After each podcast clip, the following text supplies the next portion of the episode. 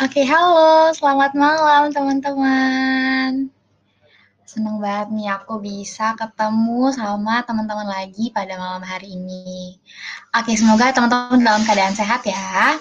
Uh, mungkin udah masih beberapa ada yang asing nih dengar suaraku, tapi nggak apa-apa, aku mau kenalan lagi biar mungkin teman-teman yang baru denger jadi bisa kenal aku juga. Jadi halo teman-teman kenalin, nama aku Dia dan di sini aku bakal menjadi host untuk Tabula Talks pada malam hari ini selama satu jam ke depan.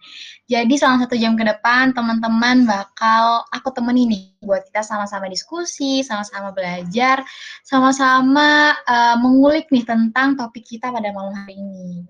Udah pada tahu dong ya topik kita pada malam hari ini apa? Jadi, topik kita pada malam hari ini itu tentang uh, bagaimana menjaga kesehatan mental melalui kegiatan sehari-hari. Wah, tentunya menarik banget ya teman-teman. Dan juga um, sangat aplikatif ya di kehidupan sehari-hari. Jadi nanti teman-teman bisa nih didengerin, disimak baik-baik. Mungkin yang mau dicatat boleh banget teman-teman. Jadi nanti uh, dari sini teman-teman bisa nih mulai diaplikasikan, diimplementasikan di kehidupan teman-teman. Oke nih, karena kita di uh, menuju weekend di awal September ya. Semoga teman-teman tetap semangat, tetap sehat juga. Nah, aku mungkin di sini teman-teman gak sendiri dong tentunya. Nah, di sini aku bakalan ditemenin nih sama pemateri kita pada malam hari ini yang keren banget tentunya. Nah, beliau adalah Kak Vini Febriani SPSI dan beliau merupakan konselor tabula, konselor sebaya juga di Improve dan juga konsultan nih teman-teman. Uh, uh, Kak Vini juga sebagai konsultan di Female in Action dan Kak Vini juga aktif sebagai praktisi kesehatan mental. Oke, sebelum itu aku mau sapa-sapa dulu Kak Vininya nih. Halo Kak Vini, selamat malam Kak. Ya, apa kabar semuanya? Selamat malam. Oke, okay. Kak Vini gimana nih kabar Kak pada malam hari ini? Alhamdulillah baik, sudah kenyang tentunya ya. Oke, okay, Kak. Oke, nah kira-kira gimana nih Kak perasaannya mau ngisi Tabula Talks pada malam hari ini? Ini mungkin Tabula ya. Talks kesekiannya ya Kak ya? Sebelumnya udah pernah ya. mengisi ya Kak juga. Iya, betul dia. Tadi aku juga sempat baca di kolom komen dari respon beberapa teman-teman yang uh, cara-cara yang dilakukan untuk mengatasi stres dan sangat variatif ya. Dan nanti juga bisa uh, silahkan sharing juga dari teman-teman terkait dengan kegiatan yang dilakukan. Karena di sini sekali lagi nih uh, sesi sharing, jadi kita bisa saling bisa belajar dari pengalaman orang lain ya tentunya. Bener banget nih Kak, aku juga tadi baca-baca komen-komen dari teman-teman keren-keren banget ya Kak. Ada yang ngedrakor, ada yang ngefangirl, ada juga yang baca wetpad, lucu-lucu banget nih. Jadi nanti kita bisa sama-sama sharing ya teman-teman. Oke, bareng ditemenin sama Kak ini juga. Oke, mungkin teman-teman aku mau ingetin lagi nanti jadi tabula talks-nya kan satu jam, tetapi setelah tabula talks-nya selesai, jadi jam 8 sampai jam 8.30 teman-teman masih bisa nih mau sharing, mau diskusi, atau mau tanya juga ke Kak ini boleh banget. Nanti kita akan melanjutkannya di kolom diskusi ya, sama seperti biasanya. Oke, Kak Vini, mungkin Kak Vini sudah siap, Kak? Insya Allah sudah siap dia. Oke, insya Allah. Mungkin kita langsung aja mulai ya kak ya, sebelum kita iya. lebih yeah. dalam lagi nih pembahasannya. Aku mungkin mau tanya dulu sih kak, kan kebanyakan mungkin uh, orang awam dan kebanyakan dari kita juga salah kaprah nih kak tentang kesehatan mental. Nah, mm-hmm. sebenarnya kak definisi kesehatan mental yang sebenarnya tuh seperti apa sih kak kira-kira? Ya, nih aku bisa sekalian masuk ya kalau gitu. Oke, biar biar, apa namanya, biar terstruktur gitu pembahasannya dia. Halo? Boleh, Kak. Ya, apakah suaraku delay sampai sana? Atau jelas? Agak jelas kok, Kak, tapi kadang agak putus-putus, tapi aman, Kak, sejauh ini. Oke, bismillah nanti semoga sampai akhir lancar ya dia ya. Amin. Oke, dia dia nanti bila di tengah, uh, pemaparan materi terus kemudian kurang jelas, nanti dia silahkan, uh, interupsi aja ya, nanti langsung reminding aku aja. Kak Vini siap, Kak. Baik, halo, oke. Baik, bismillahirrahmanirrahim. Assalamualaikum warahmatullahi wabarakatuh.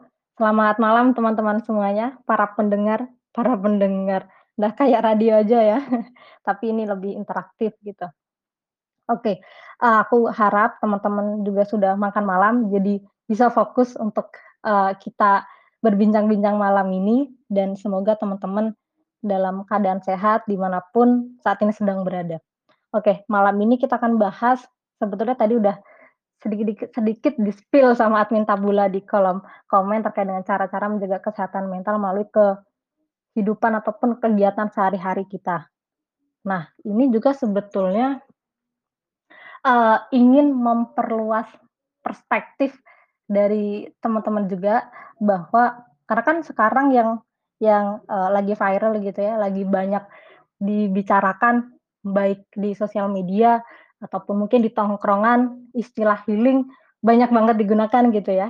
Uh, dan itu juga kemarin aku sempat search hashtag healing di TikTok dan mungkin teman-teman juga udah tahu arahnya ke mana bahwa betul yang paling banyak uh, keluar videonya adalah video traveling, driving, uh, bareng-bareng sama teman dan juga sendiri gitu.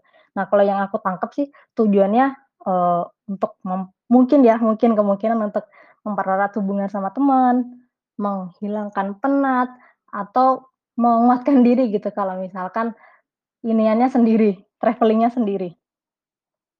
Nah, tapi di sini aku nggak nggak akan bahas secara detail healingnya itu tadi ya, karena pas banget nih, uh, minggu depan psikolog kami akan membahas secara detail terkait dengan healing itu sendiri, bertepatan dengan seri Tabula Talks yang ke-100, jadi teman-teman jangan sampai kelewatan minggu depan gitu. Tetapi di sini yang pengen aku tekankan adalah, uh, memperluas perspektif bahwa cara menjaga kesehatan mental nggak hanya itu, tapi kita bisa mulai ciptakan, uh, dan optimalisasi kegiatan-kegiatan yang biasanya kita lakukan dalam kehidupan sehari-hari gitu. Ngomongin tentang cara menjaga kesehatan mental, tadi juga udah ditanyakan oleh dia, sebetulnya definisi kesehatan mental itu apa gitu ya. Karena di sini kita juga perlu uh, memiliki persepsi yang sama terkait dengan definisi kesehatan mental itu sendiri agar kita uh, lebih terarah tujuannya gitu ya dalam menjaga kesehatan mental itu sendiri mengutip dari penjelasan WHO tahun 2001, ini sebetulnya juga udah banyak ya dijelaskan di internet ataupun di beberapa penelitian bahwa uh, kesehatan mental didefinisikan sebagai kondisi kesejahteraan individu di mana yang pertama uh, dia sadar betul kemampuannya, yang kedua uh, dia bisa mengatasi tekanan dalam hidup atau situasi situasi stressful yang tadi juga udah di-mention di kolom komen terkait dengan stres, bagaimana cara uh, meregulasi stres, memanajemen stres. Yang ketiga, uh, dapat bekerja secara produktif dan bermanfaat. Dan yang terakhir adalah uh, dapat berkontribusi untuk sekitar atau komunitas.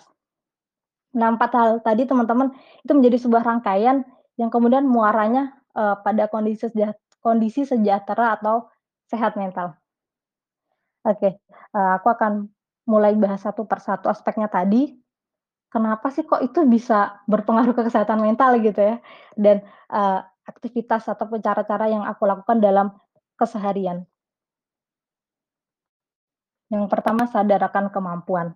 Nah, riset dari John Mark Freundland dan Emily Eros tahun 2013, ini pada konteks pendidikan sih, menemukan bahwa remaja yang dia itu merasa kompeten sama, uh, sama akademik itu memiliki pencapaian belajar lebih baik dibandingkan remaja yang, uh, kurang merasa kompeten terkait dengan kemampuannya. Dan, uh aku pun juga merasa itu valid sih ketika aku merasa memiliki kemampuan tertentu dalam suatu bidang, baik itu akademik ataupun soft skill gitu ya, itu tuh bisa merubah cara pandangku terhadap, uh, suatu kondisi ataupun keadaan yang mungkin menurut orang lain itu tuh suatu hal yang sulit, tapi menurutku bisa jadi sebuah tantangan gitu. Atau kalau nggak sampai jadi tantangan, at least agak tenang dikit karena ngerasa punya bekal ataupun sumber daya gitu. Akhirnya jadi kayak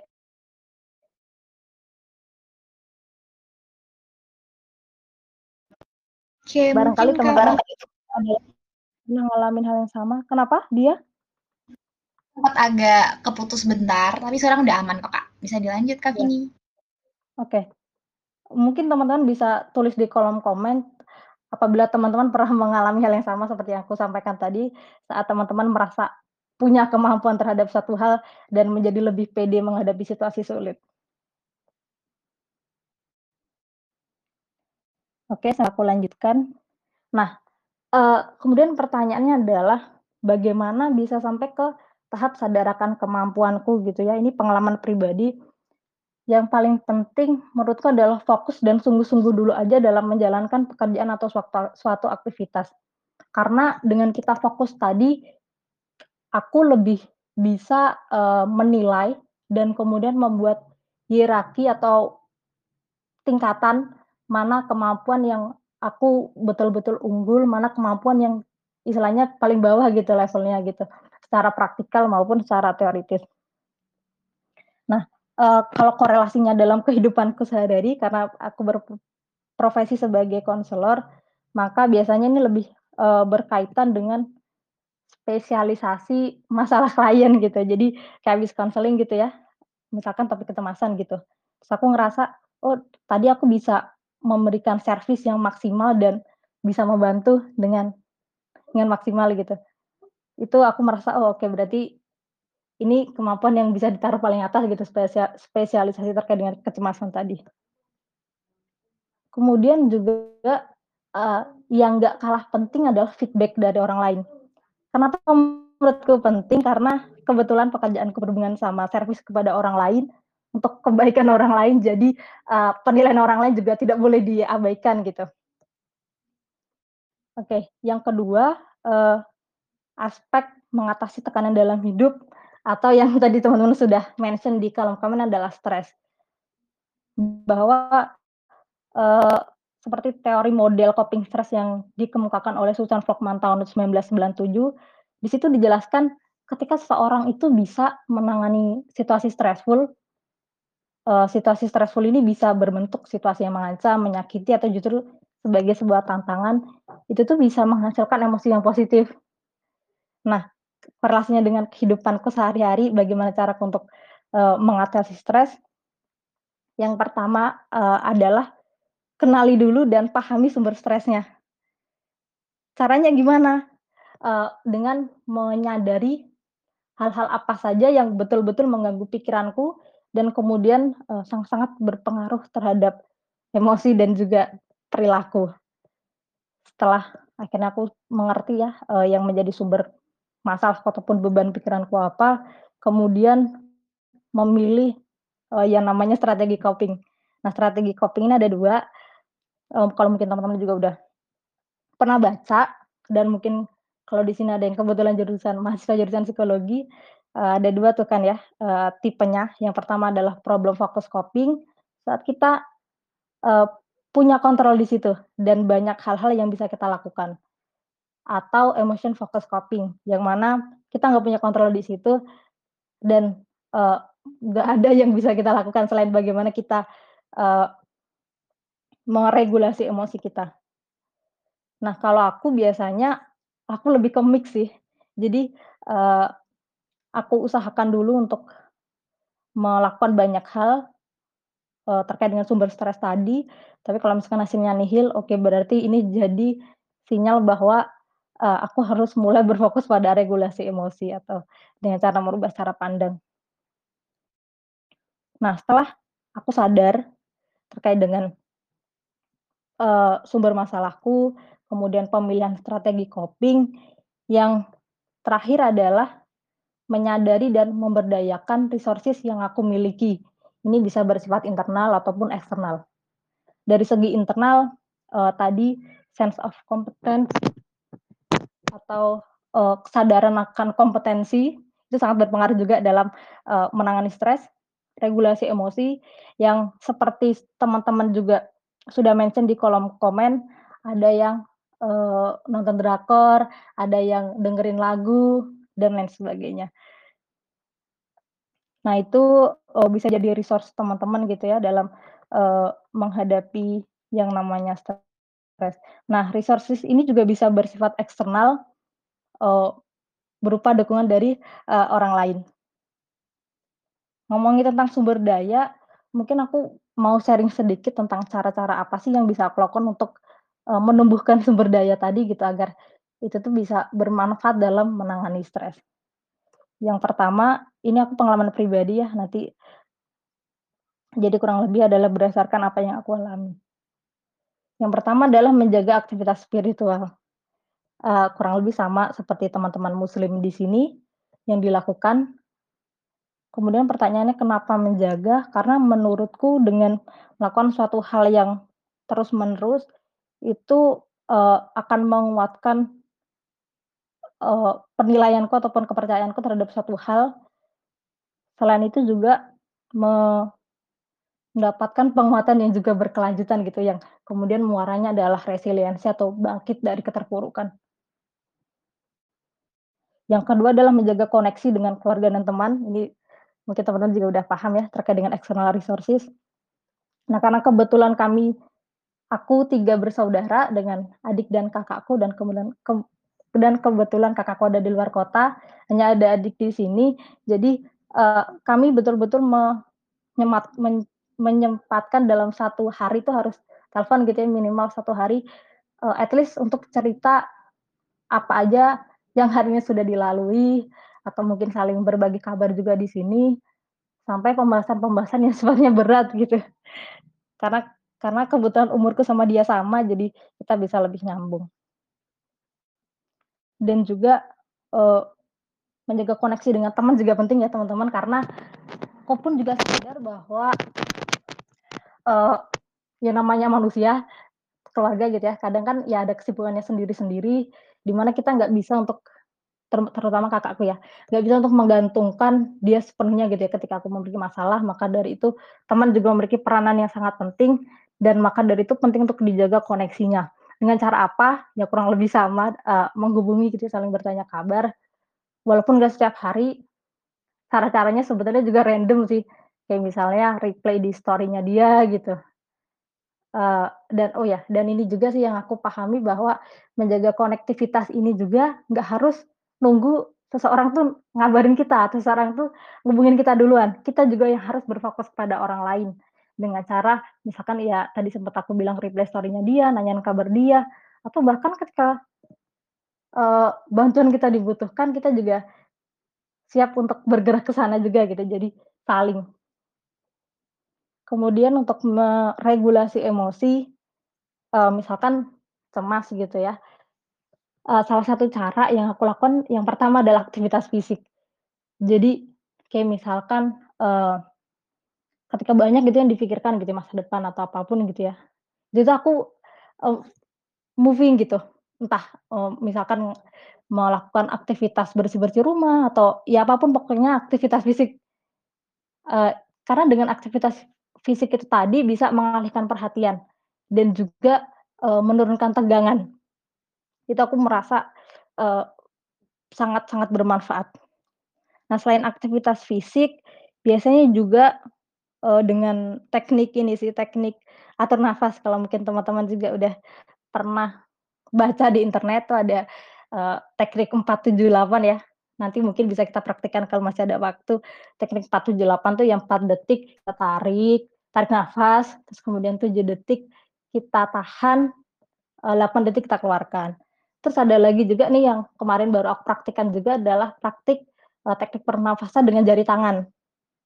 Jari tangan kita kan ada 5 ya. Nah, setiap naik ini tuh kita tarik nafas, kemudian di lembah-lembah ini kita turun, di ya yang bagian bawah ini kita ini turun, kita keluarkan, terus naik, di ruas-ruas jari turun, begitu terus sampai jari kelima.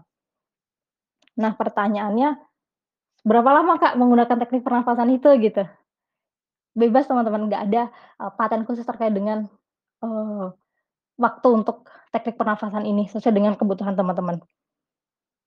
Nah, kemudian untuk, eee, emosi sedih dan juga marah biasanya aku lebih lebih bergeraknya ke yang pertama dulu yang dilakukan adalah memodulasi responnya, ngontrol responnya, agar pertama tidak menyakiti diri sendiri, menyakiti orang sekitar tentunya dan juga lingkungan. Biasanya kalau sedih, ya ya tadi sama seperti yang sempat di sebutin salah satu teman kita di kolom komen dengan, eee, ya nangis gitu, ya betul gitu, ya nangis gitu, asalkan nggak berdampak negatif bagi siapa pun. Terus kemudian juga kalau marah biasanya lebih ke diem gitu, diem gitu beberapa detik, setengah jam ada kali ya, diem gitu. Setelah agak tenangan biasanya leb baru bergerak ke penyelesaian masalah. Nah yang keempat, mengkonsumsi makanan yang disukain atau minuman yang disukain, ini sama kayak yang teman-teman lakukan gitu. Kalau aku suka makanan sebetulnya nggak ada spesifiknya sih makanan apa gitu, tapi yang penting yang pertama syaratnya adalah panas dan pedes. Itu tuh bener-bener aku ngerasa bisa me apa ya, menaikkan gairah gitu, bisa semangat gitu, energinya bisa langsung meningkat 100%.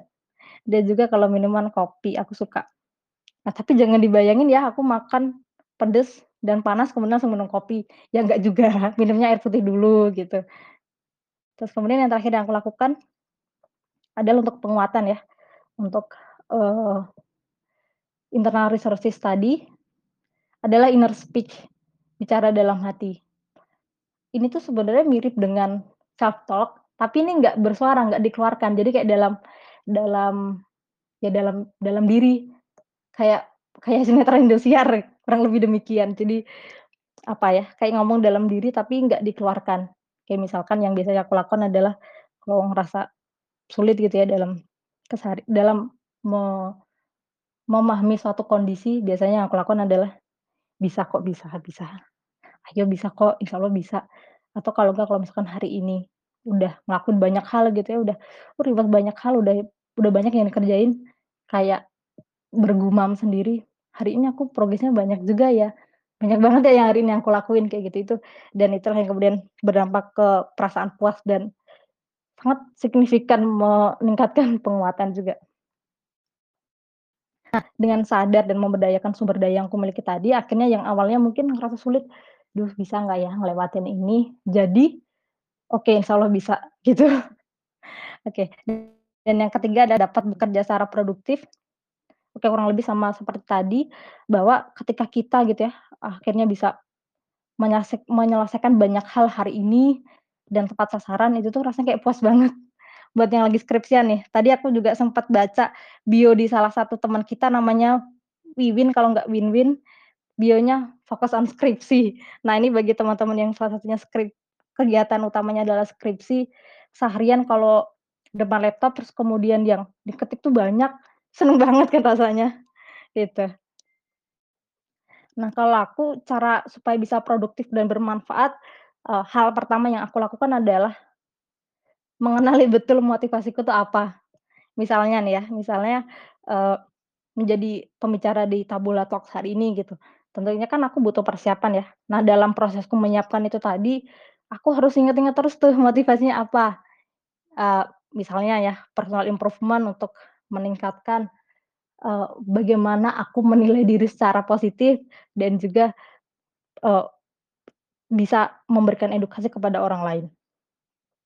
Nah, ngomongin tentang teori motivasi, nih teman-teman mungkin nanti bisa cek di internet atau nanti aku bisa juga kirim di kolom komen sih, bahwa ada teori namanya self determination dari Ryan dan Deci tahun 2017, itu bisa kita gunakan saat kita tuh nggak ngerti tujuan atau motivasi kita dalam menjalankan sesuatu itu apa, atau motivasi dalam memilih sesuatu itu apa.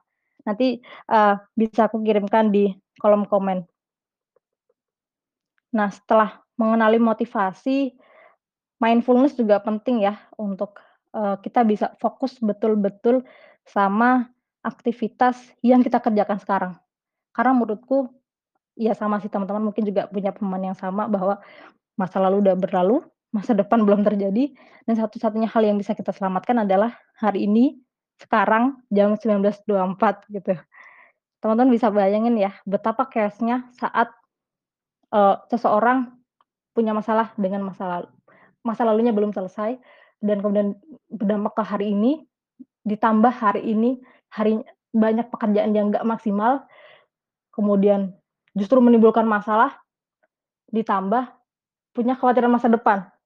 Bisa bayangin deh teman-teman bagaimana chaos-nya. Maka dari itu, oke, sekarang pilih mana yang bisa kita selamatkan terlebih dahulu. Ya, semoga kita bisa me-manage itu dengan baik ya. Dan yang keempat, berkontribusi terhadap komunitas. Ini sepertinya lebih mengarah ke sukarelawan. Nah, karena ini terakhir, aku mau nanya ke teman-teman yang di sini, yang barangkali gabung komunitas, apa nih yang dirasakan ketika gabung komunitas?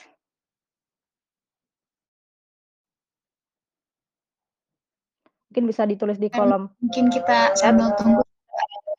Oke. Teman-teman boleh banget nih, gimana perasaannya bergabung dengan komunitas ya Kak Vini? Iya nih teman-teman boleh banget sambil diramein di kolom chat gimana sih rasanya bergabung sama komunitas ya. Kalau aku pribadi ya kak seneng banget sih kak bergabung jadi sama komunitas. Terus berasa iya bener banget karena jadi berasa punya teman, berasa plong ya keren banget nih. Wah, iya. Ya, kebetulan aku juga bergabung komunitas juga dia, dan hampir berjalan satu tahun, ya kurang lebih sama yang seperti teman-teman rasakan, eee, rasanya bisa puas gitu ya, bisa berdampak bagi orang lain, mendapatkan relasi teman juga kan. Berkoneksi dengan orang lain. Dan yang paling penting adalah mengaktualisasikan diri gitu. Oke, karena tadi udah dijawab dan kemudian kita bisa berlanjut ke gimana sih cara untuk bergabung, berkontribusi gitu ya dalam sebuah kelompok ataupun komunitas. Yang paling penting balik lagi ke poin pertama adalah kita sadari betul kemampuan kita apa, karena dengan kita menyadari kemampuan tadi, selain bisa, me menangani situasi sulit, kita juga bisa berkontribusi secara maksimal di situ gitu. Kurang lebih demikian dia. Eee, aku kembalikan ke dia Ah, dulu makasih. sebelum aku tanya jawab. Kak Vini, keren banget nih teman-teman.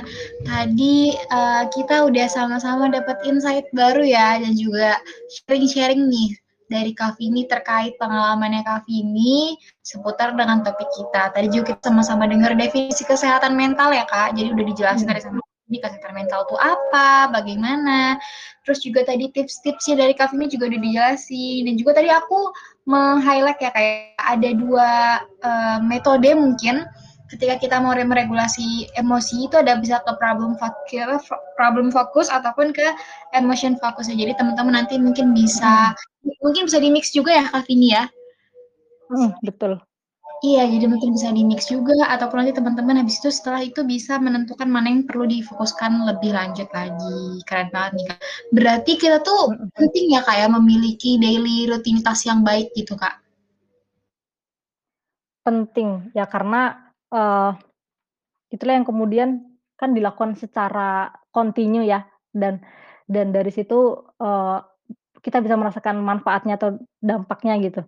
Mungkin kalau aku kaitkan lagi sama yang tadi healing tadi gitu ya dengan cara traveling atau driving, mungkin pertanyaannya adalah apakah ketika kita punya masalah gitu ya atau kita merasa uh, berada pada situasi stressful, kita traveling, kita langsung driving gitu, kan enggak ya, gitu. Jadi mengoptimalkan aktivitas-aktivitas sederhana di rumah. Atau di keseharian. Oke, jadi gitu ya, ternyata penting nih buat kita memiliki daily rutinitas yang baik ya, Kak, ya, karena juga, hmm. uh, yang Kak Vini udah jelasin tadi ya, Kak, ya, kayak terkait dengan healing, terkait juga dengan mungkin stres dan sebagainya, ternyata sepenting itu loh teman-teman punya, uh, keseharian yang baik gitu ya, Kak. Iya.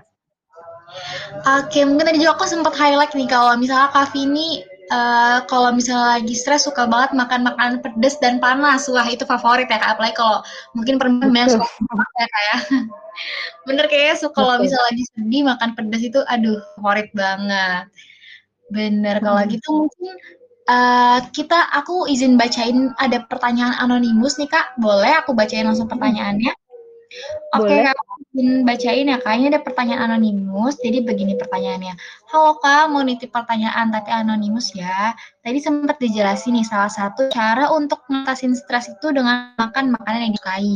Nah, kalau makanan mau makan makanan yang disukai itu untuk mengatasi stres, apakah mirip dengan stress eating, Kak? Mungkin seperti itu, Kak, ini. Iya, oke. Okay. Sebetulnya yang mak masalah makanan-makanan tadi adalah untuk uh, meningkatkan energi. Jadi kadangkala kan ketika seseorang memiliki permasalahan atau berada pada situasi stressful, kayak nggak punya energi gitu, nggak punya semangat menyelesaikannya atau merasa itu tuh sulit banget. Nah, kalau aku pribadi, pengalamanku pribadi dengan, eee, makan makanan itu tadi adalah untuk meningkatkan, eee, gairah, meningkatkan, eee, ya namanya energi supaya, eee, dalam keseharian, eee, aku bisa bergerak pada progres-progres ataupun planning-planning yang sudah aku buat. Jadi bukan kemudian menjadi pelarian akhirnya makan makanan seperti itu, tidak ya, tapi lebih kepada tujuannya untuk meningkatkan energi dan juga gairah, supaya lebih bersemangat mengawali hari, kurang lebih demikian. Wah, menarik banget ya. Ternyata, uh, mungkin hubungannya lebih ke ini ya, kayak makan itu untuk meningkatkan energi seperti itu ya, kayak. Ya. Jadi bukan mengarah ke stress eating seperti itu. Mungkin semoga menjawab ya ini yang Anonymous yang bertanya. Oke, mungkin aku ada pertanyaan lagi di Kak Dari, Kak Dimas. Aku izin bacakan ya, Kak. Oke, Siap. jadi pertanyaan, halo Kak, mau izin untuk bertanya mengenai gimana sih caranya kita menghadapi tekanan hidup entah dari kampus, keluarga, hmm. teman berbarengan, uh, sehingga membuat produktivitas tuh turun drastis karena kepikiran tekanan yang dihadapi. Nah, mungkin hmm. seperti itu pertanyaan dari Kak Dimas. Hmm, oke, oke. Yang paling penting adalah, uh, tadi kan kayaknya permasalahannya banyak ya dari kampus, keluarga, teman, dan segala macam uh, Dimas mungkin bisa buat semacam kayak rating gitu ya, mana masalah yang paling mengganggu, yang paling sangat-sangat membebani pikiran gitu ya. Nah itu yang kemudian diintervensi pertama.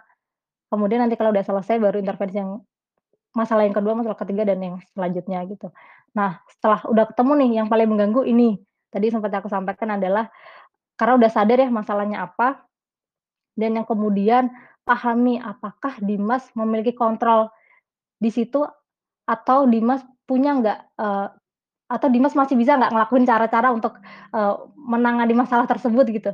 Kalau misalkan emang bener-bener nggak bisa, udah di udah dilakukan segala macam, terus kemudian hasilnya nihil, nah itu kemudian menjadi sinyal bahwa yang kemudian kita kita, uh, fokuskan adalah bagaimana kita meregulasi emosi. Kadangkala, uh, seseorang beranggapan bahwa Oh, menangani stres adalah ketika kita bisa merubah orang lain, ketika kita bisa merubah lingkungan gitu. Enggak, kita juga perlu sadar bahwa, uh, ada hal-hal yang bisa kita kontrol, ada hal-hal yang nggak bisa kita kontrol. Ketika kita sadar bahwa, oh ternyata udah banyak hal yang kita lakukan, misalkan kalau masalah sama temen ya, kita udah bicara baik-baik dan segala macam untuk menyelesaikan masalah dan ternyata tetap hasilnya nihil, maka itulah kemudian menjadi sinyal bahwa kita fokus ke regulasi emosi kita, dan itu juga bentuk penyelesaian masalah juga gitu. Nah, ini juga yang tadi sempat aku bilang, mungkin kekeliruan juga di sekitar kita, bahwa penyelesaian stres adalah harus dengan merubah orang lain atau merubah lingkungan, gitu. Itu tadi, yang kedua, pahami betul apakah punya kontrol ataupun cara-cara yang masih bisa dilakukan ada atau enggak, gitu. Nah, yang ketiga adalah menguatkan internal ataupun external resources. Eksternal ya bisa keluarga ataupun teman yang lain yang bisa dijadikan untuk support system, Nah, kalau internal resources, pahami betul, uh, kelebihan-kelebihan yang Dimas miliki itu apa. Misalkan ya, kalau masalah akademik mungkin yang banyak ya berkaitan dengan, uh, kekhawatiran terkait dengan skripsi gitu ya. Nah, uh, internal resources yang bisa di difokuskan adalah, uh, ya meningkatkan kepercayaan diri ya, meningkatkan kemampuan. Dengan cara apa? Ya dengan cara belajar gitu. Atau di lain sisi juga lihat kelebihan Dimas yang lain, Oke, memang skripsi itu susah gitu ya. Tapi aku tuh tipikal orang yang mau belajar kok, aku tuh tipikal orang yang, uh, punya motiva punya motivasi belajar tinggi, aku mau bersusah payah. Nah, gunakan kelebihan-kelebihan Dimas untuk, uh, melewati hal-hal sulit tadi. Gitu.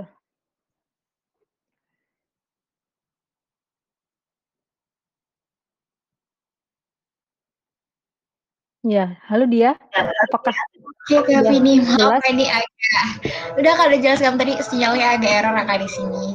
Oke, mungkin Kak Dimas gimana nih Kak jawaban dari Kak Vini? Udah menjawab belum? Nah, tadi juga aku sempat uh, ingat juga kalau misalnya Kak Vini bilang bisa fokus ke resourcesnya kayak bisa ke eksternal, ke internal ataupun Kak Dimas bisa nih mungkin uh, bisa sama-sama bikin eee, menyadarkan gitu ya, kayak kalau misalnya nggak semua hal bisa kita atur gitu ya, Kak, ya. Jadi Kak Dimas bisa fokus ke regulasi emosinya Kak Dimas, seperti itu ya, Vini. Mhm, iya.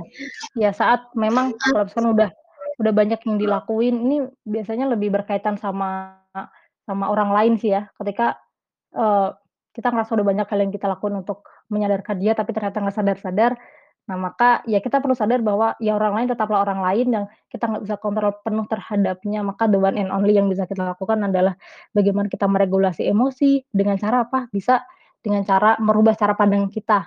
Kita lebih meng apa ya, menyesuaikan ekspektasi kita. Eee, agar lebih realistis juga kan tentunya gitu. Itu sih dia, semoga bisa terjawab pertanyaannya di cuma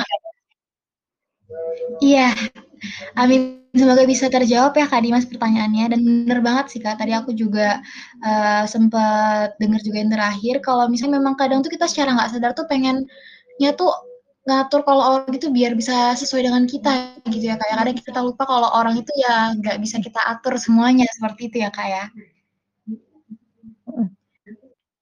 Oke, mungkin ini ada pertanyaan lagi, Kak, dari Kak siapa ya? Oh, dari Kak gimana nih bacanya nih? Alfirol, oke, aku izin bacakan ya, Kak, ya.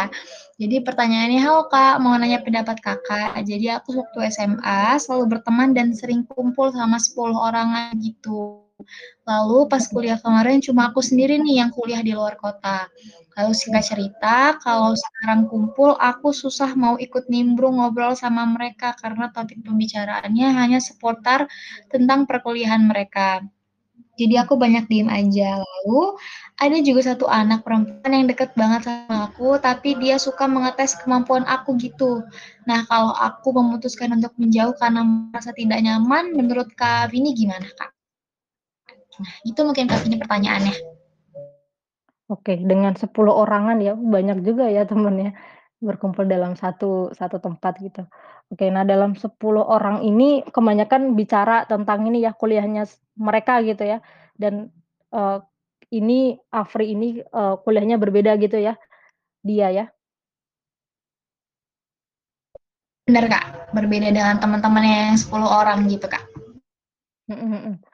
Oke, eee, ya seb ya sebetulnya memang kalau kita lihat secara netral ya, aku secara netral, ya kemungkinan wajar ya karena ya mereka dalam satu satu lingkungan yang sama, kampus yang sama, tentu yang bahan yang dibicarakan tentu akan lebih banyak gitu. Yang mungkin ketika ketemu akhirnya ngomonginnya itu lagi itu lagi itu lagi gitu. Nah, mungkin sebelum kemudian untuk memutuskan, eee, menjauh gitu, eee, dari Afri ini sendiri eee, cara-cara yang sudah pernah dilakukan apa? Apakah mungkin karena kan aku mikirnya gini ya, dalam satu circle gitu pasti ada satu satu orang yang disegani gitu atau satu orang yang di ya istilahnya dianggap sebagai leader gitu. Nah, mungkin coba tuh ajak ngobrol gitu kalau misalkan ingin masih ingin me mempertahankan gitu ya. Karena, eee, ya namanya teman pasti udah berhubungan lama juga dan pasti juga banyak ya memiliki keterikatan juga gitu. Maka mungkin upayakan dulu untuk membenahi gitu ya, aku tidak tidak mengarahkan untuk menjauh atau mungkin juga untuk mendekatkan, tapi coba dulu untuk membenahi terlebih dahulu dengan mencoba mengajak komunikasi figur yang istilahnya, eee, disegani atau mungkin dianggap sebagai leader di kelompok tersebut gitu. Nah, kemudian, eee kalau misalkan nggak berhasil juga aku kepikiran cara-caranya mungkin juga, eee, langsung masuk aja gitu Afri untuk ketika ngobrol gitu langsung masuk aja untuk cerita juga kondisi, eee, perkuliahannya Afri seperti apa atau mungkin hal lain yang bisa diceritakan agar lebih lebih apa namanya ya, lebih lebih bisa ngalir gitu. Karena kadang karena mereka satu lingkungan jadi mereka tiba-tiba nyaut nyaut nyaut nya nyaut gitu kan, gitu. Terus, eee, ya tadi coba diupayakan untuk dibicarakan terlebih dahulu dan Iya, kalau misalkan nggak berhasil gitu ya, mungkin bisa dibuat pertimbangan juga kalau akhirnya keluar dari grup tersebut, eee dampak-dampak positif yang didapatkan apa, ataupun yang dirasakan apa gitu. Karena Ya aku menyadari barangkali mungkin Afri juga sudah lama bertemannya dan itu menjadi support system juga gitu. Terus tadi masalah ada salah satu temen yang mengetes kemampuan Oke, ini sebenarnya juga ya pernah aku temui juga gitu ya dalam keseharian gitu. Eee, ya mungkin balik lagi ke bagaimana Afri Afri ini memaknai itu ya. Mungkin kalau memaknai itu sebagai bentuk untuk ngetes, mmm mungkin bisa di di direspon balik, ngetes balik gitu gitu. Jadi, "Oh kamu ngetes, coba tes balik," gitu ya. Jadi, eee, ya kadang kita nggak pernah tahu ya, eee, maksud seseorang itu apa gitu. Mungkin bisa jadi candaan atau mungkin ya salah satu cara untuk mengetahui kabar teman kita gitu, kondisi sejauh apa sih teman kita udah berubah gitu, barangkali begitu. Gitu. Gitu, Oke. Kak Vini. Oke, Kak, mungkin kalau misalnya bisa aku rangkum ya Kak dari jawaban Kak Vini tadi, kalau misalnya terkait dengan problem yang Kak Afril nih, mungkin yang pertama tuh bisa dikomunikasikan dulu ya Kak ya, bersama dengan teman-temannya juga. Terus mungkin setelah itu Kak Afril eee, bisa masuk-masuk gitu ya Kak, coba-coba masuk obrolannya, karena mungkin memang eee, teman-temannya Kak Afril yang, eee, banyak banget ya temannya ini, seneng banget Kak Afril punya teman. Jadi, eee, karena tinggal di lingkungan yang sama, kuliah juga di lingkungan sama, makanya mereka kebanyakan, eee, topik pembicaraannya pun seputar dengan, eee, lingkungannya mereka, seperti itu ya. Dan terakhir mungkin kalau misalnya memang, eee, tadi sempet Kak Vini juga mention kalau memang, eee, keluar dari grup itu, eee, udah menjadi pilihannya Kak Afril, mungkin dipertimbangkan, eee, feedback positif yang bisa Kak Afril terima gitu ya, mengingat juga teman-temannya Kak Afril ini menjadi support system-nya Kak Afril, mungkin seperti itu ya Kak Vini. Oke Kak Afril, gimana nih, semoga menjawab ya Kak pertanyaannya. Kalau misalnya belum menjawab atau ada yang mau didiskusikan lagi, boleh banget, bisa di langsung aja di kolom chat. Oke, aku juga mau ingetin nih ke teman-teman Tabula mungkin yang masih, eee, masih ingin mau bertanya, mau sharing, boleh banget eee, langsung diketik di kolom chat atau mau raise hand boleh banget. Nanti aku bisa, eee, izin izinkan teman-teman untuk mic-nya gitu. Ya, aku sedikit menambahkan juga ya Dia ya. Oke Kak Vini. Ya, tadi, eee, kebetulan masalahnya berhubungan dengan orang lain, terus aku juga mention masalah komunikasi. Nah, komunikasi asertif ini juga yang kemudian menjadi resources kita juga, bisa jadi resources kita juga dalam menangani, eee, masalah dengan orang lain ataupun situasi yang membuat kita stressful. Karena dengan mengembangkan kemampuan, eee, berkomunikasi itu tadi, kita bisa bergerak ke penyelesaian masalah gitu. Eee, kita bisa membuat orang lain tuh mengerti maksud dan tujuan kita dan juga kebutuhan-kebutuhan kita gitu. Karena bayangin ketika kita punya masalah sama orang lain, terus kita berharap orang lain itu paham, ya kalau dia paham gitu ya, kalau misalkan enggak, nah itulah yang kemudian akhirnya berkepanjangan dan justru, eee, bisa berdampak negatif gitu. Gitu.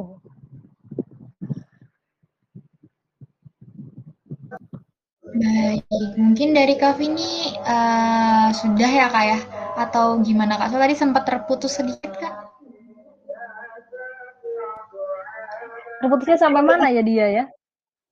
Tadi tuh agak di akhir-akhir gitu Kak, atau mungkin emang udah ya Kak, cuman agak jaringan aku yang agak kurang baik mungkin ya. Oke, mungkin kita lanjut nih Kak di pertanyaan Kak Dimas, boleh nih Kak satu dari Kak Dimas. Oke Kak Dimas mau nanya lagi nih, jadi Kak aku mau tanya satu lagi dong, gimana sih tipsnya supaya ketika baca buku tuh nyaman, enak, dan bahkan masuk apa yang dimaksud dari buku tersebut. Soalnya aku tipe orangnya tuh suka pendeng eee, suka pendengar dibandingkan baca, lebih cepet mendengar dibandingkan membaca. Aku sering denger podcast dan lain sebagainya dibandingkan baca buku, apalagi buku materi kuliah itu sangat sulit masuk. Nah, mohon tipsnya Kak. Oke, mungkin Kak Dimas minta tips nih Kak, dari Kak Vini terkait dengan gimana sih Kak cara membaca buku agar kita tuh dapat mengerti gitu Kak, maksud dari buku tersebut gitu. Iya, oke. Yang pertama menurutku, eee, kenali betul, eee, kebutuhan kita. Kadang kan sebagai manusia ketika kita udah kepepet nih ya sama sebuah sebuah keharusan ataupun kebutuhan, jadi kita nggak pikir panjang gitu untuk milih dan milah mana hal yang kita suka. Maka yang mungkin aku bisa sampaikan adalah pertama kenali betul, eee kebutuhan-kebutuhan atau hal-hal yang perlu dipenuhi. Karena kan berhubungan dengan kuliah, mostly ini ya ter terkait dengan jurnal penelitian dan segala macam, dibandingkan dengan, eee, ya mungkin podcast yang mungkin kurang scientific gitu. Maka yang paling bisa aku sampaikan, kenali dulu kebutuhan-kebutuhan apa yang, eee, Dimas perlu dapat nih dari dari dari buku tersebut atau soal-soal atau materi-materi kuliah yang yang perlu untuk Dimas pahamin tuh, eee, seberapa tingkat kesulitannya gitu. Yang mungkin mau nggak mau maksa Dimas untuk baca buku dibandingkan dengan baca podcast. Itu sih, kenali betul, eee, kebutuhan-kebutuhan yang mendesak, yang perlu untuk dipenuhi dan hanya bisa dipenuhi dengan baca buku. Itu yang pertama. Dan yang kedua adalah, eee, mindfulness atau betul-betul fokus dengan yang kita baca, kita pegang saat ini, betul-betul fokus. Ya cara untuk fokus tiap orang beda-beda ya, ada yang betul-betul dipaksa atau akhirnya bisa fokus, ada yang misalkan, eee, menjauhkan dari handphone atau, eee, menyendiri agar lebih bisa fokus dan tidak terganggu dari segi pendengaran ataupun visual gitu. Nah mungkin sedikit cerita juga, aku tuh tipikal orang yang, eee, sebetulnya juga gampang terganggu secara visual. Jadi kalau misalkan di perpus, dulu pas di kampus gitu ya, eee, di perpus itu aku tuh nggak bisa ngerjain di keramaian, itu pasti seliweran tuh sangat-sangat udah mengganggu, maka dari itu aku lebih bisa mengerjakan, eee, di rumah ataupun di kosan gitu. Tadi yang kedua mindfulness, yang pertama kenali betul, eee eee, kebutuhan-kebutuhan yang hanya terjawab melalui baca di buku kuliah dibandingkan di podcast. Gitu. Semoga terjawab ya Dimas ya. Baik, oke, uh, semoga oke, terima kasih Kak jawabannya. Sama-sama Kak Dimas, semoga menjawab ya. Terima kasih Kak ini udah menjawab pertanyaan Kak Dimas nih. Mungkin teman-teman ada yang mau bertanya lagi nggak? Atau ada yang mau sharing nih terkait dengan uh, kegiatan sehari-harinya nih kalau misalnya lagi stres atau gimana sih cara menjaga kesehatan mentalnya melalui kegiatan sehari-harinya. Ada nggak nih teman-teman? Oke, mungkin kita sambil nunggu teman-teman ya kak. Aku juga mau tanya sih kak ke Kak Vini nih kak. Kak aku kan uh, sekarang aku lagi berkuliah juga kak. Kebetulan aku juga ngambil psikologi dan aku tuh kadang suka tanya nih kak sama teman-teman aku gimana sih kalau kalian stres tuh kalian ngapain gitu ya kak. Dan kebanyakan uh, mostly teman aku yang sampai saat ini aku temukan menjawabnya dengan tidur ya kak, dengan tidur ataupun biasanya ya uh, kebanyakan tidur sih kak. Nah kira-kira sebenarnya tidur itu memang menjadi daily yang baik untuk menjaga kesehatan mental kah atau memang tidur itu cuma pengalih gitu ya kak? Karena setelah bangun kan biasanya kita masih merasakan uh, merasakan nggak tenang gitu ya kayak kayak ya karena masalahnya belum selesai gitu kak. Mungkin dari kak ini gimana kak kira-kira? Ya, ya. Kalau aku aku memaknai bahwa tidur ini ya bisa positif bisa negatif gitu ya. Kalau misalkan setelah kita melakukan banyak hal gitu, terus kemudian malam tidur tepat waktu, itu kemudian bisa dikatakan tidur uh, memberikan dampak positif berupa kita menjadi paginya kita akhirnya bisa berenergi, nggak ngantuk, nggak uring-uringan gitu, dan itu sangat berpengaruh untuk menjaga kesehatan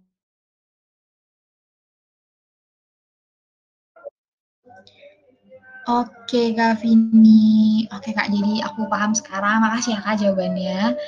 Mungkin uh, karena kita masih punya waktu nih Kak, kira-kira dari Kak Vini sendiri, kan tadi kayaknya aku juga sempat ingat Kak Vini mau ngajak uh, breathing exercise gitu ya Kak. Kira-kira mau sekarang kah atau gimana ya Kak? Sambil kita mungkin nunggu teman-teman yang mau bertanya lagi nih. Iya, boleh banget. Jadi mau bertanya boleh banget ya. Atau kita sama menunggu. Iya, Kak Vini, gimana Kak? Ini tadi ini tadi internetku bermasalah, jadi aku sekarang join di HP. Tadi aku sebetulnya jawabnya belum selesai. Yang masalah oh, tidur iya, tadi. Vini. Oke, kamu mungkin boleh dilanjut dulu ya, Kak ya. Ya, jadi secara sederhana tidur ini bisa dimaknai dua hal, bisa berdampak positif atau juga bisa berdampak negatif. Berdampak positifnya apa? Ketika uh, kita udah selesai nih ya, kita udah selesai ngerjain tugas banyak hal atau beraktivitas banyak, kemudian kita malam tidur tepat waktu, dan paginya kita bisa jadi bugar, segar, dan gak pusing gitu ya, gak uring-uringan. Nah itulah kemudian yang bisa dikatakan tidur berdampak positif bagi kesehatan mental. Akan tetapi ketika uh, tidur ini dijadikan sebuah pelarian gitu ya, pelarian berharap masalah bisa selesai sendiri gitu misalnya atau udah nggak tahu udah tidur gitu. Nah inilah kemudian bisa dikatakan tidur ini berdampak negatif karena menjadi alternatif uh, penyelesaian masalah yang negatif gitu melalui avoidance tadi. Baik Kak Vindi, jadi makna tidur tuh tergantung ya Kak ya. Jadi kalau misalnya memang tidurnya uh, untuk istirahat mungkin nggak apa-apa ya Kak ya. Oke, jadi aku sekarang paham Kak. Soalnya kadang suka bingung gitu Kak, kalau misalnya aku juga terutama salah satu orang yang suka tidur lagi stres. Jadi aku kadang tuh bingung sebenarnya tidur aku itu berfungsi untuk aku istirahat atau aku sebenarnya pelarian gitu ya kayak. Ya. Oke Kak Vini terima kasih banget atas jawabannya. Oke mungkin ini kita masih menunggu ada kak kakak yang lagi ngetik juga di kolom diskusi nggak apa-apa teman-teman dilanjut dulu aja ngetiknya. Uh, kalau misalnya pun nanti tabula talksnya selesai, nggak apa-apa teman-teman nanti dari jam 20 sampai 20.30 jam 20.00 sampai 20.30 teman-teman masih boleh sharing, masih boleh diskusi bareng Kak. Nanti Kak Vini bakal jawab kok lewat diskusi ya teman-teman. Oke, mungkin Kak Vini kita sambil nunggu teman-teman yang mau bertanya lagi. Mungkin tadi aku juga sempat mention Kak Vini uh, katanya mau coba latihan pernafasan seperti itu ya Kak? Oke, bisa. Ini uh, yang bisa sederhana pakai pakai yang teknik jari aja kali ya. Jadi tinggal naik, turun, naik, turun, naik, turun gitu. Karena waktunya juga sudah mepet.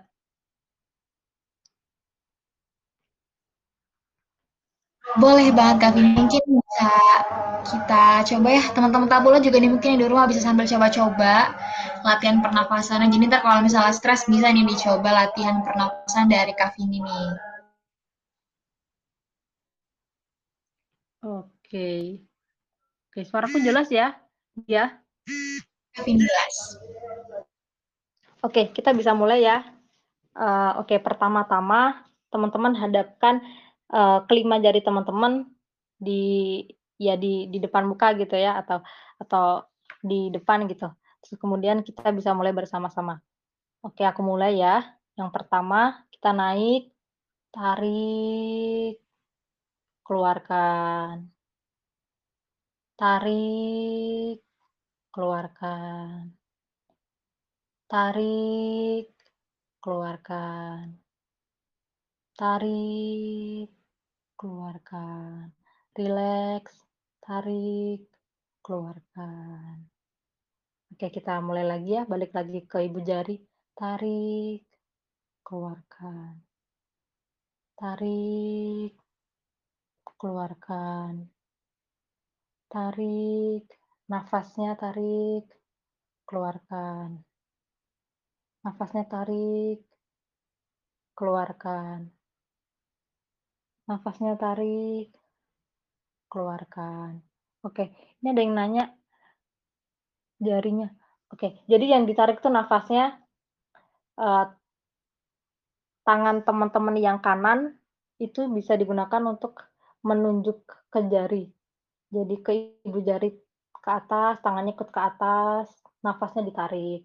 Kemudian sampai kepada ruas jari tangan yang kanan, jari yang kanan ikut turun, nafasnya dikeluarkan. Terus kemudian tarik lagi ke atas, nafasnya ditarik, habis itu turun, turun lagi ke jari manis, tarik, nafasnya ditarik, ke ruas jari, keluarkan. Tarik lagi, Nafasnya keluarkan. Kemudian jari yang kelingking, naik, tarik, kemudian keluarkan. Oke, kita bisa mulai sekali lagi kali ya, dia, atau bagaimana? Kak, boleh kami sekali lagi kita coba ya, Kak. Oke, iya, kita mulai lagi ya, teman-teman. Jadi, oke, mungkin tadi instruksinya kurang kurang detail ya. Jadi, dari teman-teman yang kiri itu digunakan uh, untuk ini untuk ya sebagai sebagai uh, pedoman. Dan juga jari yang kanan digunakan digunakan untuk menunjuk. Jari yang kanan untuk menunjuk jari yang kiri digunakan untuk pedoman. Nah jari yang kanan mari kita mulai bersama-sama naik ke ibu jari. Ibu jari naik ibu jari ke ruas jari turun keluarkan nafasnya. Ibu jari, sorry, Jari yang selanjutnya naik, tarik nafas. Habis itu turun lagi, keluarkan nafas. Jari tengah naik, tarik nafas, keluarkan.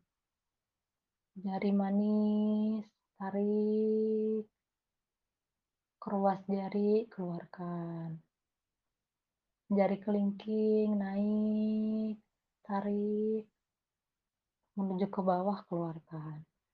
Demikian seterusnya hingga teman-teman merasa tenang gitu ya. Nanti bisa dipraktikkan di rumah. Oke. Ini ada pertanyaan baru dia. Oh iya Kak Vini, mungkin dari Kak Vini uh, mau langsung jawab aja nggak apa-apa Kak? Atau aku aku izin bacakan dulu aja kayak pertanyaan dari Kak Afril. Mungkin ini pertanyaan terakhir dari diskusi kita. Nanti selanjutnya kalau teman-teman mau ada yang bertanya lagi, boleh banget. Nanti kita lanjutkan di kolom diskusi. Mungkin begitu ya Kak? Mm -mm. Oke, Kak, aku izin bacakan ya, ini pertanyaan dari Kak Afril. Nah, Kak, gimana sih Kak caranya mempertahankan diri agar tidak terpengaruhi lingkungan sekitar? Misalnya ada bicara yang tinggi karena sebelumnya jarang ke trigger, karena di lingkungan rumah suka pada ngegas, dalam hati juga udah memperingati buat ngomongnya pelan-pelan, tapi tetap aja keluar ngegas, padahal sebelumnya nggak gitu. Mungkin gitu Kak pertanyaan dari Kak Afril.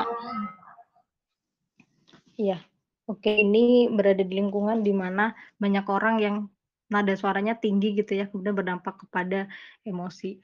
Jadi kalau bicara mengenai regulasi emosi, uh, ada lima cara yang bisa dilakukan seseorang untuk meregulasi emosi. Uh, yang pertama, berfokus pada uh, penyebab dari emosi tersebut gitu. Nah ini ada dua. Yang pertama adalah meng menyeleksi lingkungan ataupun situasi-situasi yang membuat kita merasa uh, beremosi dan yang kedua yang masih berkaitan dengan sumber emosi uh, memodifikasi uh, sumber emosi. Nah, yang menyeleksi tadi misalnya uh, nada nada suaranya tinggi gitu ya, maka uh, ya mungkin sebisa mungkin adalah menghindari gitu, menghindari uh, menghindari ya mungkin orang tersebut ataupun masalah-masalah yang membuat orang lain bisa bernada tinggi gitu. Terus yang kedua memodifikasi uh, situasi adalah dengan uh, ya oke okay, ketika ketika dia marah mungkin uh, Afri bisa sambil sambil mungkin baca buku atau mungkin sambil ya melakukan hal lain agar tidak terlalu terlalu memberikan dampak secara langsung kepada Afri. Nah, yang ketiga adalah uh, merubah pemikiran ataupun kognitif, yaitu dengan cara memahami bahwa ya bisa jadi memang itu karakteristiknya gitu ya. Jadi memang sulit untuk untuk di dirubah dan barangkali juga itu tidak selalu uh, berhubungan sama emosi marah gitu. Barangkali lawan bicara kebiasaan berbicaranya seperti itu dan mungkin kalau aku kaitkan dengan uh, tipikal cara bicara seseorang kebetulan aku juga punya temen di Palembang, nada bicaranya itu tinggi gitu. Mungkin kalau uh, pas ke kosan gitu ya teriak-teriak manggil nama tuh betul-betul satu gang mungkin kedengeran saking uh, suaranya tuh tinggi gitu. Tapi bukan berarti marah karena memang tipikalnya seperti itu. Nah, yang per, yang keempat adalah uh, me mendistrak. Jadi mungkin uh, ketika mungkin dia dia dengan nada tinggi itu tadi lakukan hal, hal yang bisa mendistrak gitu setelahnya mungkin dengan kemudian baca baca webpad atau mungkin nonton YouTube atau dengerin lagu yang kira-kira bisa mendistraksi emosi tadi gitu.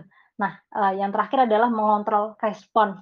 Jadi gimana caranya agar uh, Afri tidak mungkin marah balik atau Afri kemudian tidak kemudian ikut marah juga yang akhirnya berdampak negatif ke diri Afri sendiri gitu. Misalkan mungkin dengan cara uh, kalau uh, yang biasa aku lakukan adalah dengan pertama diem dulu, diem untuk ngasih jeda, mungkin bisa juga berhitung, berhitung juga bisa, terus tarik nafas tadi dengan teknik bernafas juga bisa, atau mungkin kalau dalam dalam Islam ya, kalau ini dalam Islam juga diajarkan untuk uh, berwudu gitu, untuk kemudian me meredam rasa marah tadi agar tidak tidak berdampak lebih jauh me memberikan dampak negatif ke diri sendiri, ke orang lain yang bicara tadi dan juga ke lingkungan. Oke, begitu. Apakah menjawab? Baik, semoga menjawab ya Kak Afril. Nanti kalau semisal ada yang mau didiskusikan lebih lanjut lagi, boleh banget. Tetap dipantengin di diskusi uh, tabula setelah jam 8 ya teman-teman. Jadi ntar kalau misalnya ada yang mau tanya, ada yang mau sharing, masih boleh banget kalau teman-teman sampai jam 20.30. Nanti Kak uh, Vini bakal jawab nih pertanyaan teman-teman. Oke, terima kasih mungkin Kak Vini yang sudah tadi juga udah sharing sama kita, udah ngasih tips juga nih sama teman-teman juga. Uh, aku mau ucapin terima kasih banget buat Kak Vini pada malam hari ini. Nah, mungkin karena waktunya juga udah mepet ya, Kak. Aku mau ini dong, Kak, minta uh, mungkin closing statement dari Kak Vini terkait dengan topik kita pada malam hari ini, Kak. Oke, okay, closing statementnya adalah uh, yang pertama, optimalkan dan juga uh, ciptakan hal-hal sederhana, hal yang uh, yang sering kali kita abaikannya di rumah terkait dengan regulasi emosi yang ternyata uh, bisa kita lakukan di rumah dengan misalkan tadi uh, teknik pernafasan misalnya juga ya.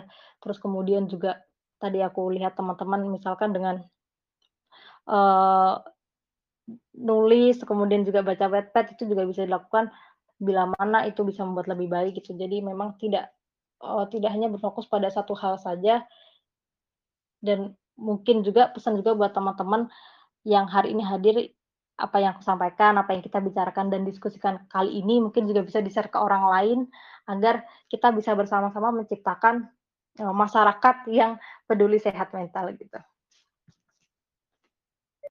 Oke, okay, closing statement yang bagus banget dari Kavini untuk menutup Tabula Talks kita pada malam hari ini. Terima kasih juga aku mau ucapin ke teman-teman Tabula yang udah antusiasme banget yang bertanya, ikutin Tabula Talks-nya hingga berakhir. Nah, oke, okay, mungkin makasih juga buat Kavini ya Kak, buat closing statement dan juga pembahasan yang menarik dan aplikatif banget nih tentunya.